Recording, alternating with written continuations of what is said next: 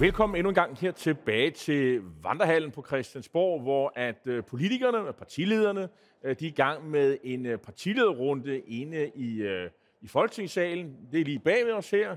En, en ny foretagelse, hvor jeg tror, det vi gætte, at de skal, de skal tale om den her sundhedskommission, som regeringen har, har nedsat i dag, som er det helt store nummer på Christiansborg.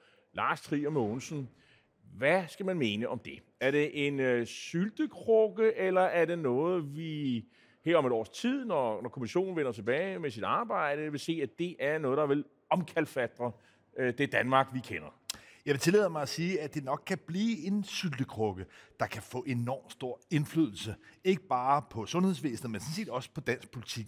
For for mig at se, er den her reform som i udgangspunktet er en lille bitte smule snirklet og teknokratisk, for det er meget strukturerne, det kommer til at handle om. Men hvis det lykkes for regeringen rent faktisk at blive enige om noget og folde det ud, jeg ved ikke helt, om det kan nå og rigtig kunne mærkes før næste valg, men der er ikke nogen tvivl for mig i hvert fald om, at det vil i høj grad være det, den her regering både vil blive målt på af vælgerne, men som de i virkeligheden også nu, og det er på den modige træk i det, på en eller anden måde gør til det, man skal måle dem på. Altså kan de de siger alle sammen, Mette Frederiksen, Lars Løkke, Sofie Løde, siger, at der er kæmpe store problemer i sundhedsvæsenet. Det er uacceptabelt, hvad der foregår nu, for eksempel i forhold til kraftbehandlingen i Aarhus. De siger nu, vi kommer med en større plan, men også en plan, der skal løse det. Så det her vil i høj grad være det, altså sundhed, som regeringen vil blive målt på ved næste valg. Det interessante er jo, at øh, de, vil jo, de siger jo øh, ikke dermed, at så vil de næste år øh, afvente, hvad de her, jeg tror det er ni kloge mennesker, øh, der har meget forskellige baggrund. Øh, de fleste ved noget om sundhedspolitik og sundhed i det hele taget, og så er der faktisk en, en enkelt, der, der skiller sig ud, øh, nemlig øh, Mærsk. Øh, Møller Mærsk, AP Møller Mærsk-koncernens tidligere topdirektør Søren Skov, som også er med i kommissionen. Øh, han skal vel bidrage med, hvordan man struktur for det private erhvervsliv. Det, det logistik nok, måske? Ja, det kunne man jo godt øh, forestille sig. Øh, det synes jeg, der er helt fint. Øh, de fleste er sådan kendte ansigter, og, og der er også nogen fra det private med osv., så det, det, det skal nok blive spændende. Men det, som de fleste jo bider mærke i, det er, ho, at det her sådan første sted, tredje sten til, at man nedlægger regionerne, Øh, fordi det ved vi jo, Lars Lykke, han har kæmpet for i årvis, jeg tror det er mere end 10 år siden, af øh, en, øh, en regering, en borgerlig regering, der gik af. Øh, nu er vi tilbage i 2011 sammen med Dansk Folkeparti, øh, ville øh, faktisk besluttede at afvikle regionerne, og så kom der så en ny regering til, og som så omgjorde den plan. Øh, men, men altså, det har længe været hans øh, øh, ønske, og, øh, og Venstre, det parti, han jo repræsenterede før, de har jo sådan slået en koldbøtte. Så nu, øh, fra at have været i, øh, for at nedlægge regionen, mens, mens Lykke var formand, jamen så har de i hvert fald de sidste øh, stykke tid under, under, under den nye formand, jamen så har de været imod nedlæggelse af regioner. Men er det her spørgsmål om nedlæggelsen af regionerne, er det, der optager sinden herinde på Christiansborg i dag, så er det jo netop fordi, at det er en af Lykkes gamle kongtanker.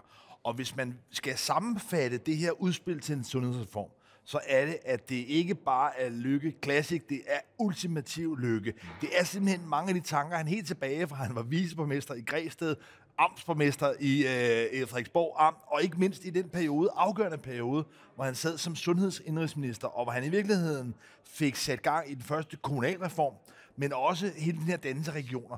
Og der er det, at han så efterfølgende, op til valget i 19, kom med det her forslag til mange overraskelse til Venstre om at nedlægge regionerne, men er også i virkeligheden at etablere det som et samlet sundhedsvæsen hele Danmark med en bestyrelse, en ny struktur. Det er det, den her øh, reform i virkeligheden skal folde ud. Så det er lykkes kongtanker. Men det bliver vel ikke populært alle steder, Lars, at man sådan fjerner en helt lag af, af regionalpolitikere. Der, der er også socialdemokrater, de, de for det meste de fleste, øh, der ryger på den konto. Øh, Moderaterne, dem er der ikke så mange af, så det, han, det får han ikke et stort problem med. Jeg er også indtryk af, at det er ham, der bestemmer, hvad, der ligesom skal, hvad de skal mene hos de moderaterne.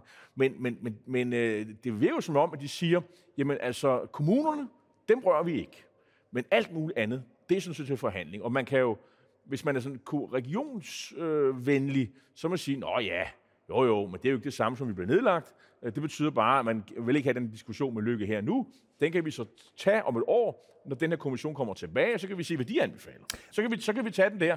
Men alligevel, Lars, jeg synes, det er som om, at Socialdemokraterne, de siger, prøv at høre her, vi er ligeglade med, om den der mus, øh, den er rød, eller den er blå, eller den er hvid eller sort Barten øh, fanger mus, ligesom øh, den kinesiske øh, statsleder øh, Deng Xiaoping engang sagde, da han indførte kapitalisme i Kina. Altså, øh, de er ret ligeglade med struktur og alt det her. Nu skal vi have sundhedsvæsenet til at virke, og hvis det indbefatter, at man fjerner et øh, bestemmende lag, så gør vi det. Men altså, jeg vil gerne stille et spørgsmålstegn ved, om det her dels ender med at være en særlig folkelig sælgert, og om det er noget, der i virkeligheden sådan inden for en overskuelig fremtid overhovedet vil kunne mærkes. For det er altså en ekstrem byråkratisk manøvre, man skal i gang med, og ændre på nogle strukturer og nogle forretningsgange i en forvaltning. Altså, det handler ikke om kraftkanoner, det handler ikke om hænder ude på arbejdspladserne. Og der kan man så sige til regeringens forsvar, at der har man så parallelt med det her nedsat i hvert fald to andre kommissioner. Både en, der skal kigge på lønspørgsmålet, som jo nok er et ret afgørende faktor i forhold til at få flere hænder, men det andet spørgsmål, den anden kommission, er netop, hvordan man får skaffet mere arbejdskraft. Der er ikke nogen tvivl om, at både lønspørgsmålet, øh, spørgsmålet om, kan man sige, hvordan man med andre virkemidler, måske udenlandsk arbejdskraft, kan få mere arbejdskraft og struktur, det spiller selvfølgelig altid sammen. Men, men, men de folk, der måtte sidde derude lige nu, akut og være frustreret over behandlingen, de skal altså ikke regne med, at den her sådan lidt byzantinske, byråkratiske plan med alle mulige lager og forandringer, at det er noget, der kommer til at påvirke særlig mange, altså hverken levende eller øh, jeg vil sige døde mennesker. Fordi det her, det er altså noget, der kun i sådan meget byråkratisk logik kan give mening fremtidsmusik. Altså, jeg synes, det, det her sy- er... Det synes jeg godt nok er en meget, meget dyster frem, øh, fremtid. Jeg, jeg er nok lidt mere positiv. Altså, jeg, jeg ser det ikke som sådan noget byzantin, byråkratisk... Øh, øh, fupnummer, hvor man flytter rundt på det ene eller andet. Og, og, og, og, og, og, til sidst, så, sker der slet, så er der slet ikke nogen betydning, hverken for de levende og døde. Det må jeg sige, det, det gør jeg ikke. Øh, jeg ser mere på den måde, at det, det faktisk tværtimod handler om at fjerne byråkrati, fjerne faggrænser, øh, at man skal have den samme sundhed, måske faktisk bedre, for de samme penge, og med de samme hænder, fordi man har ikke flere hænder. Det er jo også den erkendelse, de har. Vi kan ikke have flere hænder. Plus det, at de jo også siger, jamen vi skal have den der øh, sundhedspleje, det vil sige, det hvor man, altså, hvis man går i stykker, så skal man ind på et, øh, et sygehus og lappe sammen, og så tilbage igen. Men sundhedsplejen, det hvor man skal ligesom optrænes og alt det her, det skal foregå ude lokalt. Øh, man skal ikke have ældre mennesker, der har været inde og, omkring sygehuset, de skal ikke frem og tilbage. Nej, de skal behandles, færdigbehandles, øh, nær, nær en selv. Men det kræver alle de her nærhospitaler eller nærsygehus, eller hvad det er. Og, og, og, og, så på den måde kan du sige, det er byråkratisk osv. Men altså, jeg ser det mere som sådan en, en, øh, en afbyråkratiseringsøvelse, mere end det sådan en, øh, at man bare laver et helt nyt byråkrati. Jeg begynder altid at blive meget ængstelig, når politikere, der har haft ansvaret i år efter år efter årti, snakker om afbyråkratisering. Erfaringen er, at der kommer lag på lag på lag af ny forvaltning ovenpå. Og lad mig lige men, bare det er jo, men det er jo regeringens øh, politik. Det var også det, som, øh, hvad hedder det, øh, statsministeren sagde på KS... Ja, og Poul Slytter sagde i 80'erne. Øh, jo, jo, bevar mig vel. Men det er jo, altså, øh, det er jo ambitionen, men du har jo ret i, Lars. Vi ved jo ikke, hvordan de vil gøre det. Og det siger de jo faktisk også selv, at det hele skal ind i en kommission. Så må de komme med løsningerne, så kigger man på løsningerne, og så vil man så øh, gennemføre noget. Men det interessante er jo, kan man nå at gennemføre noget, der eventuelt indbefatter, at man nedlægger regionerne, altså her til næste år i 2024, hvor der jo skal være, der skal jo være, så vidt jeg husker, et, øh, er det kommunalvalg i 24, eller er det først i 25? Men øh, det er vist først i 25, er det ikke det? Ja, det var i 19 jo, jo. sidst, ikke? 19? Ja, ja. Ja, i 25. Ja, ja, ja, ja. Det vil sige, altså vi har kommunalvalg i 25. Kan man på halvandet år øh, få implementeret den her reform, som jeg er ret sikker på kommer, øh, så kan man så diskutere, om, det, om den bliver effektiv osv., men kan man på halvandet år nå at nedlægge regionen? Det synes jeg jo er det interessant. Det tror jeg sagtens, man kan gøre og udløse endnu større kaos og nye øh, strukturer. Altså, det, jeg bliver nødt til at holde fast i her, det er, at øh, jeg kan også bare spørge dig på en anden måde. Altså, kan du huske i vores voksne liv, hvornår det ikke enten har været en socialdemokrat eller en venstre person, der har været sundhedsminister? Fordi det, man bare lige skal huske, det er, at nok kommer de ud nu og siger, uha, vi skal lave det hele om. Men hvem er det egentlig, der har haft ansvaret for den sundhedspolitik, vi har i dag. Og kan, kan du huske... Altså, ja, der er Agnete Lausen, hvor hun var konservativ sundhedsminister under Poul Slytter. ja. Det kan jeg huske. Og, og jeg tror også, at vi har haft en øh, centrumdemokrat, men altså med nogle ekstremt få, meget kortvarige undtagelser, så er det Socialdemokratiet og Venstre der har haft ansvaret for sundhedsvæsenet i hele vores voksne liv. Og det gør altså, at det i mine ører også klinger en lille bit smule hul, når de nu vil have nogle øh, eksterne eksperter til at komme med en anden plan, der ligesom øh, vupti skulle løse det hele. Jeg tror, at det i virkeligheden også tjener det formål at skubbe ansvaret en lille smule fra sig. Min pointe er bare, øh, når vi kommer frem til valget, så har regeringen med det udspil, de er kommet med i dag, med de ord, Mette Frederiksen, Lars Løkke og Sofie Løder er kommet med, så er det det, de vil blive holdt op på. Kan folk rent faktisk mærke det, i hverdagen, at det er blevet bedre? Det sidste er jeg enig med dig i. Jeg, er ikke så, jeg, jeg, jeg, jeg, jeg har lidt større tiltro til regeringens handleevne og vilje til at handle, end du har. En anden ting, jeg synes er interessant, det er, lad du mærke til uh, ham, der er formand for uh, Region Sjælland. Uh, nu har jeg glemt, hvad han hedder, men han er for Socialdemokrat. Uh, han har tænkt sig at stille op til Folketinget. Og, øh, og vi har her for nogle uger siden set en anden øh, regionsrådsformand øh, pludselig hoppe ind og vi karriere som økonomiminister. Kan vi forestille os, at der er nogen, der ligesom har læst øh, skriften på væggen og siger, min øh, landspolitiske karriere i regionalpolitik, jamen den stopper øh, med udgangen af 2025. Øh, så jeg skal til at finde noget andet, hvis jeg skal fortsætte min politiske karriere. Og det skal nok være inde på Christiansborg. Har, har du tænkt den samme tanke? Ja, men jeg vil helt give dig ret i den grundlæggende analyse af, at udløbsdatoen for regionerne begynder ligesom at, at tikke. Men, men spørgsmålet her er jo bare, da Lykke penserede det sidst, der var kritikken i Venstres bagland, at man dels ville skralde de folkevalgte fra, men man i virkeligheden også ville lave en stor centraliseringsmanøvre. Fordi det, der er lykke tanke, det er, at vi skal have et sundhedsvæsen, der skal sidde én bestyrelse. Og det vil altså sige, at den regionale, folkelige, demokratiske kan man sige, kontrol og indflydelse på sundhedsvæsenet, den vil alt andet lige blive mindsket. Og der kan man bare spørge sig selv, før de kommer med de her forkromede tanker, er det centralisering, der nødvendigvis er sådan det magiske løsen til at lave et bedre sundhedsvæsen. Jeg tvivler på det, og jeg tvivler i hvert fald også på, at det er noget, der vil brænde meget stærkt folkeligt igennem med begejstring. Det er, er muligt. Uh, vi får se. Uh, det er i hvert fald uh, interessant, og man kan sige, det er jo heller ikke nogen sådan voldsom stor nyhed, at uh, der kom en, uh, en sundhedskommission. Det har regeringen faktisk allerede varslet, uh, da den tiltrådte, og der kommer sikkert, der, jeg tror, de har varslet om til 12 udvalg og kommissioner, så det er bare et af dem. Uh, så der er masser at glæde sig til. Men noget, der i hvert fald jo heller ikke var super overraskende, i hvert fald ikke for trofaste seere og lyttere, af Borgen Lindner, det var, at regeringen kom med et finansårsudspil, hvor der var et historisk lille, øh, en lille forhandlingsreserve. Kun 200 millioner kroner har øh, regeringen spillet ud til, at de andre partier kan få indflydelse på. Men nok så væsentligt er det, jeg synes, der karakteriserede i virkeligheden Nikolaj Vammen, finansministerens fremlæggelse af regeringens finansårsudspil sidste uge, det var, at nogle af de sådan, symbolske lunser indrømmelser, man normalt ser fra regeringer, de også var skåret fra. Altså groft sagt kan man sige, at i perioden med borgerlige regeringer, der har der ofte været sådan lidt udlændingestramninger til øh, højrefløjen, og i perioder, for eksempel den sidste med Socialdemokratisk regering, ja, der har der været lidt grønne klimainitiativer til venstrefløjen. Alt det var ligesom skrællet fra. Så både når det kom til de konkrete håndører og til det symbolske, ja, der kunne den her midterregering sige, prøv at høre, signalere, vi har sådan set vores flertal på forhånd. I skal ikke regne med hverken at få penge eller nødvendigvis øh, symbolik. Men, men der er jo sådan noget med, for eksempel har jeg mærke til Klimarådet. De mangler sjovt nok en, øh, en, en bevilling til ligesom at køre rundt. Øh, skal vi gætte på, at enten de radikale eller SF, de hopper med ombord i en finanslov ved at sørge for, at Klimarådet får lov til at køre endnu et år eller to? Ja, så det alligevel har tænkt sig at, at fortsætte? Altså... Hvad, tror, hvad tror du? Og, og, og, og det vil sige, at der kan vel også være nogle andre ting. Øh, det er i hvert fald de to partier, som som jeg tror, man vil gøre, hvad man kan for at få mere ombord. Men måske også de konservative. Øh, det er jo selvfølgelig en, en, en holdningssag.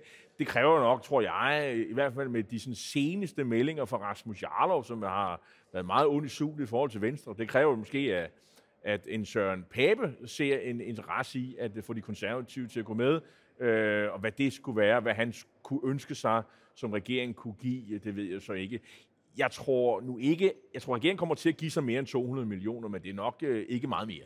Nej, og signalet er i hvert fald meget tydeligt fra regeringen. De har flertallet på plads, og derfor de partier, der grundlæggende vil være med til at hjælpe regeringen med at lappe forskellige steder. Og det skal man også huske, at en stor del af finansårsudspillet er i virkeligheden, kan man sige, nogle allerede øh, aftalte pakker, der er lagt sammen. Ikke mindst den store Ukrainefond på 7 milliarder kroner, men der er også både inflationshjælpen, og så er der den her akutpakke.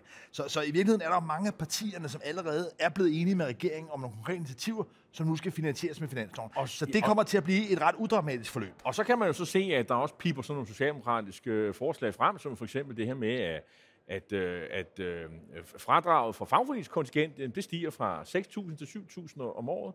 Øh, det er sådan en, øh, en lille hilsen til øh, øh, den i forvejen meget, meget, meget sure fagbevægelse, som jo stadigvæk er vrede på Socialdemokraterne, for at de har øh, afviklet, fjernet Stor Bededag.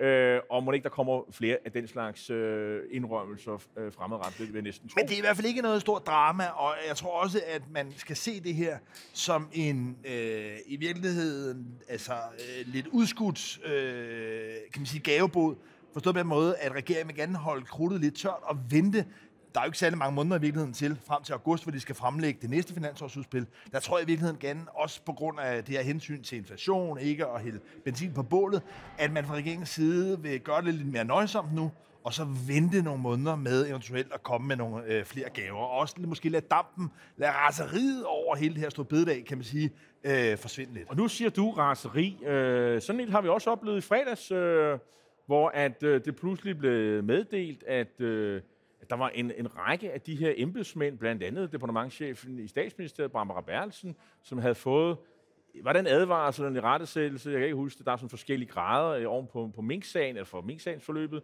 Det var det, min kommission øh, sagde. Der var en embedsmænd, som man slog over nælderne, og så var der så en øh, kompetence- og personalstyrelse, som kiggede på det, og så udstedte de jo så en, en række sanktioner over for embedsmændene, som man mente havde handlet forkert i Mink-sagen. Og øh, og det er simpelthen trukket tilbage, og det kommer i, konse- i konsekvens af, eller i hvert fald i køgevandet på, at, øh, at øh, efter der har været et, et tjenestemandsforhør af, af Torgild Fode, rigspolitichefen, der er jo sådan blevet totalt frikendt af øh, øh, den tidligere formand for Højesteret, øh, som jo har kigget på de her, øh, på hans sag, jamen så er der ligesom sket det, at i konsekvens af, at han er blevet frikendt, så har man simpelthen fjernet alle, øh, i hvert fald for, de, for tre embedsmænd, og man kigger også på på øvrige embedsmænd. Der er en afdelingschef i Justitsministeriet, der er en departementschef i Justitsministeriet, der har fået sanktioner, de er fjernet nu, og nu kigger man på nogle andre. Og det har så affødt en tsunami af vrede tilkendegivelser, øh, specielt fra borgerlige politikere, fra borgerlige aviser, lederskribenter og en masse andre, som er rasende på, at, øh, at nu ikke engang embedsmændene, øh, som tidligere har fået rap over fingrene, at nu er det også trukket tilbage, og nu er der næsten ikke nogen, måske lige bortset fra Mogens Jensen og den tidligere departementchef i Miljøministeriet, øh, som nu er fyret, og nu er, har henlever en tilværelse som kommunaldirektør i Esbjerg Kommune, tror jeg øh, så er der ikke nogen konsekvenser af, af det. Men ja, hvis man lige skal prøve at øh, altså, slå det koldt vand på, mm. det raseri, man ser, så synes jeg, at det første, man bliver nødt til at forholde sig til, det er, at den her sag, er sådan set kørt efter bogen. Man har haft, altså kan man sige, det retlige forløb, der nogle gange er. Man har så haft den her øh, tjenestemandssag, hvor øh, tidligere højesteretspræsident øh, Rørdam har siddet og vurderet det, og er kommet frem til, at Rigspolitichefen, på trods af, at Rigspolitiet altså udstak en ulovlig ordre, alt efter at dømme bevidst, velvidende, den var ulovlig, men der har man altså nu endt med at konkludere, at Rigspolitichefen ikke har noget ansvar for, at Rigspolitiet brød loven. Og der bliver man nødt til at holde fast i, i et retssamfund, at hvis de procedurer, der nogle gange er, ender med at frikende folk, ja, så er folk frikendt. Så, så på den måde synes jeg, man bliver nødt til ligesom, lidt nøgternt at sige, jamen altså den proces, der har været med Torkel Fode, Rigspolitichefen, er endt med, at han er blevet frikendt, at han er kommet tilbage. Men når det er sagt, så bliver man også nødt til, og det er der, hvor det flammer lidt op ude i grøften, og undre sig grundlæggende over, at det her forløb er endt med, på trods af, at lov er blevet brudt, og der har været et meget, meget kontroversielt efterspil, at det er endt med, at ingen har noget ansvar. Ingen har noget ansvar. Og det kan jeg godt forstå provokerer. Og det er noget, der krænker en retsfølelse, at man politisk i virkeligheden kan omgøre beslutninger, og i hvert fald kan man sige, udnytte de beføjelser, der er. Men man bliver nødt til, synes jeg, nøgterne at slå fast, at sagen har kørt efter bogen, og folk er blevet frikendt. Så det er altså der, hvor vi står. Men det er klart, at de gamle fronter er på mange måder blevet skærpet, og der må sidde nogle venstrefolk, som altså virkelig har været på barrikaderne i forhold til Mette Frederiksen, i forhold til en departementchef, som lige nu må sidde og føle sig noget mærkeligt til mode ved, at de er med i en regering, som altså navigerer, udnytter de muligheder, der er, og ender med at sige, vupti, bupti, ingen har noget ansvar. Jeg tror i hvert fald, at øh, Jacob Ellemann Jensen øh, er i, i, i hvert fald lige den dag var glad for, og, og, at han var hjemme på sofaen og ikke skulle kommentere alle de der ting. Han har jo sagt nogle krasbørstigheder under, undervejs. Øh, og man kan sige, øh, der er sådan, der er sådan lige siden i fredag, så er folk jo flygtet ud i, eller stormet ud i, i, i skanserne, i, i skøtgravene, og, og så har vi ligesom genoptaget endnu et akt af, af, af minkskandalen, og hvor man skyder på regeringen. Man kan jo også se det på den måde, at øh, der har været nogle konsekvenser. Der er en, som sagt en departementchef i Miljøministeriet, der er fyret. Der er en, øh, en, en minister, der er gået, øh, Mogens Jensen. Og, og så, så er der faktisk også en regering, der er faldet. Altså de radikale væltede regeringen på den her sag. Øh, og der har været folketingsvalg, og så er man ligesom startet forfra. Jeg, jeg ved ikke, hvad, hvad skulle man ellers gøre? Altså politisk er der vel truffet de afgørelser, der skal. Men det forhindrer jo ikke folk derude i at sige dårlig behandling af, af mink-sagen, øh, af, af, af mink-branchen, øh, at der blev foretaget øh, enorme øh, øh, øh, hvad hedder det, fejl, begik fejl, grundlovsstridige fejl, det, det er jo ubestridt. Det er bare, hvad skal der ske herfra? Er, er, er, skal der være flere konsekvenser? Jeg tror ikke, der kommer flere politiske konsekvenser. Nej, altså, altså, der, er ikke, der er ikke skyggen af et flertal, der vil gøre noget af det her efterfølgende, øh, men, men det forhindrer folk ikke i at være vrede og skuffet og frustreret i mange år frem. Men der, hvor jeg synes, der er grund til at rejse et mere principielt advarselsflag, det er, at jeg ser det her forløb også som en måde, hvor regeringen, statens magten, om man vil, på en eller anden måde slår fra sig og sørger for at hæve baren for, hvad man kan undersøge. Jeg tror, at når vi i fremtiden vil opleve, at der er tegn på, at der er missanger, der er anklager om øh, lovbrud øh, i, i, i regeringen, at så vil man vise tilbage til det her forløb og hæve barn og sige, at der skal være langt mere konkrete beviser for bevidste, overlagte lovbrud. Og det vil sige, at sådan nogle mere sparede forløb, som det her vidderligt har været, ja, det tror jeg, at man vil forsøge at vige udenom. Og på den måde er, kan man sige, effekten af det, at regeringen i virkeligheden har fået skabt sig et lidt større manøvrerum. Folketingets muligheder for at kontrollere regeringen, tror jeg, som følge ikke mindst det, der skete her i fredags, vil blive sværere, vil blive svækket, simpelthen fordi, at man på forhånd må erkende, okay, ligegyldigt hvad pokker man gør, så ender det alligevel med at fuse ud, så kan man alligevel ikke holde magthavere og deres nærmeste embedsmænd til ansvar. Og så kan man sige, at øh, den her nye foretagelse, grænskningskommission, som min kommission jo egentlig er, var det en succes? Blev det en succes? Øh, det synes jeg ikke, der man kan sige nu. Altså, fordi øh, altså, de konklusioner, der kom, øh, jamen, de, har, de er jo blevet helt ned og brættet efterfølgende. Altså, Øh, så, og, og, og det, selvom det jo har haft en indflydelse på øh, kan man sige, de politiske konklusioner, der blev draget, altså de radikale væltede som sagt øh, øh, øh, regeringen på baggrund af de konklusioner. Så altså, tror du, der bliver nedsat øh, fremtidig grænseskommission? Er det den rigtige måde at gøre det på, tror du?